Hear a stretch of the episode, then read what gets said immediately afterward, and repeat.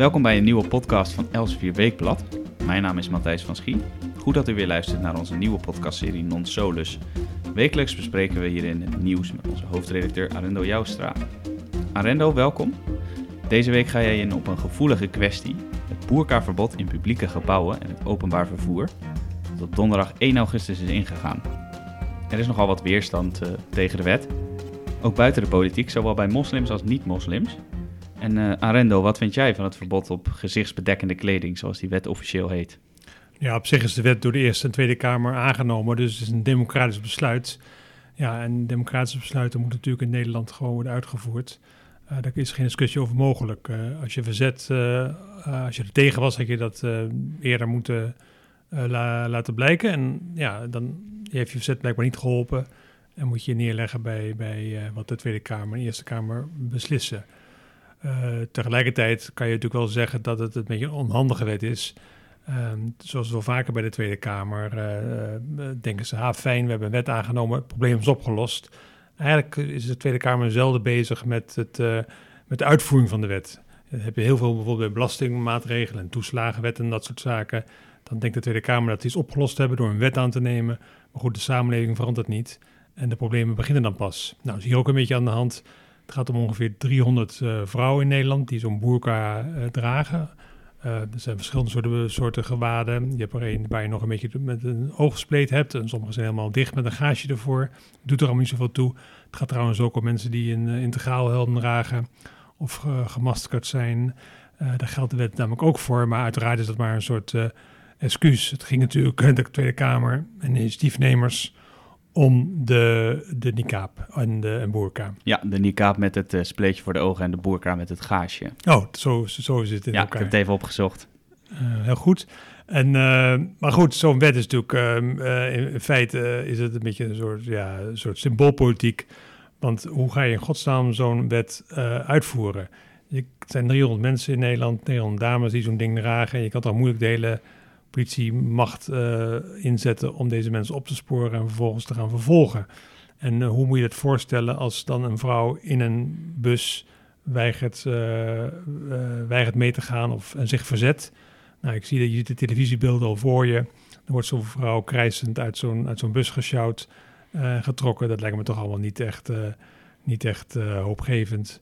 Um, en, ja, jij jij noemt het al, de uitvoering wordt uh, op zijn minst ongemakkelijk. Maar uh, daarbij schrijf jij ook dat er eigenlijk al lang een wet was die ditzelfde probleem, voor zover dat op te lossen valt, oplost. Nou ja, er is natuurlijk, kijk, uh, er zijn allemaal redenen voor deze wet geweest. Hè? Er is, en ik begrijp ook wel dat mensen vinden zo'n boerka of niqab vinden ze niet leuk in het straatgezicht. het, is een, het is een beetje niet, niet fleurig, het is een beetje zwart. En nou, het hoort niet, zou ik zeggen, bij Nederland. Uh, dus het, ik, kan, ik kan me de, de ergernis en agressie tegen die dames wel voorstellen. Maar toch moet je in een soort democratische samenleving moet je accepteren dat mensen het recht hebben om zich te kleden zoals ze zelf willen. Uh, ja, zelf willen, dat is natuurlijk wat voorstanders van zo'n verbod dan opperen. De, de burka en de niqab worden vaak niet vrijwillig gedragen. Wat, uh, wat zeg jij daarop? Nou ja, de, de, dus, dus eerst heeft het andere punt nog eventjes van... dus ze, ze, ze, dragen dat en, en, in Nederland. En dan is er al een regeling dat je, je kan een straf krijgen, een boete krijgen, als je dan weigert even je, je gewaad op te tillen, zodat een politie of een conducteur kan zien dat je inderdaad de persoon bent met je, met je kaartje of met je ID, met je identificatiebewijs. Ja, dat dus, is uh, 90 euro boete. De, ja. de nieuwe boete gaat een stuk hoger worden, 400 euro. Nou, dus dat is al geregeld. Dus er is geen enkele regen. Maar deze wet is ook niet bedoeld voor, voor, voor dit soort dingen. Die wet was puur bedoeld om een beetje deze dames te, te, te, pesten eigenlijk. En, en eigenlijk deze uit het straatbeeld te, te, te weren.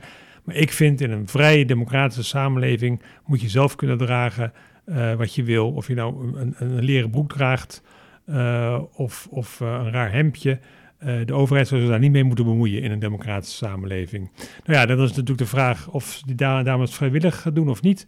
Ook dat is niet helemaal aan de overheid. Dus je, je hebt altijd religieuze kleding. Uh, of een non een, haar kleding helemaal vrijwillig draagt, weten we ook niet helemaal. Um, en dat moeten we ook niet aan de overheid overlaten. De, er is een soort vrijheid, godsdienstvrijheid om te dragen wat je wil. En uh, ik vind altijd dat de overheid een beetje ver moet blijven van dit soort persoonlijke zaken. En bovendien, uh, een emancipatie, of het nou van vrouwen is of andere groepen, gaat echt niet sneller verlopen als de overheid tussen aanstekens even komt helpen. Uh, dan neemt het verzet vaak maar alleen maar toe. En het helpt niet echt. Uh, kijk, emancipatie moet van, van, jezelf komen, van de, van de groep zelf komen. De overheid, uh, kijk, een, een, boer zal vaak zeggen: een plantje gaat niet harder groeien door aan de blaadjes te trekken. En dat geldt voor emancipatie ook. Ja, nou, jij bent niet de enige die moeite heeft met deze wet. Uh, bijvoorbeeld burgemeester van Amsterdam, Femke Halsema, die zei in november al dat ze niet van plan is om deze wet te gaan handhaven, of althans de politie die te laten handhaven. Want zij vindt hem uh, niet bij de stad passen. Later voegde ze daar nog aan toe trouwens dat ze vindt dat er belangrijkere prioriteiten zijn. Zeker in Amsterdam, waar natuurlijk misdaad uh, aan de orde van de dag is. Uh, ook politiebureaus, ziekenhuizen en openbaar vervoerbedrijven, waar dat verbod allemaal gaat gelden, hebben al aangekondigd dat ze niet de politie gaan inschakelen als vrouwen ja. in een burka hun gebouwen betreden. Is dat niet schadelijk? Nou ja, zover wil ik niet gaan. Kijk, de, wat, wat, de, de, een foute opmerking van burgemeester Halsma van Amsterdam. Want ze, zij gaat niet over of een wet past of niet past in, in, in, uh, bij haar stad. Uh, ook Amsterdam moet ze gewoon aan de wet houden. dus dat, of een wet past of niet past, dat is niet aan haar om te beoordelen. Nog aan de gemeenteraad van Amsterdam. Iets anders is natuurlijk dat elke politie, elke gemeente kan natuurlijk zelf vaststellen of de politie uh, prioriteit moet geven aan, aan, aan bijvoorbeeld deze wet, aan het vervolgen van vrouwen met een boerka. Uh, nou, elke burger weet dat er wel grotere problemen zijn dan de boerka-dragers. Uh, de drugsoverlast is enorm, je hebt inbraken. vaak in steden, zeker in Amsterdam, wordt massaal het rood licht genegeerd, wat voor gevaarlijke situaties op, op straat oplevert. Uh, nou, burgemeester van Rotterdam, Abu Talib, heeft gezegd: ja, ik, ik vind moord en ondermijning van het gezag vind ik belangrijker dan het, dan het boerkaverbod. Nou, die afweging mag een politie zelf maken. Vervolgens uh, is natuurlijk de vraag: ja, als, als, als mensen in een ziekenhuis komen en ze dragen een boerka, nog, nogmaals, dan moet je toch steeds je ziekenhuisplaatje kunnen laten zien. Dat je dan niet direct de politie gaat bellen als iemand gewond of anderszins ziek in een ziekenhuis komt, vind ik eigenlijk wel begrijpelijk ik, ik, ik, ik, frons wel een beetje mijn wenkbrauw toen ik las dat ook de politie zelf niet uh, hieraan gaat meedoen. Want als je dan aangifte wil doen en, en, en je bent uh, in boerka gehuld, ja, als zelfs de politie niet meer zelf de wet in het eigen gebouw handhaaft.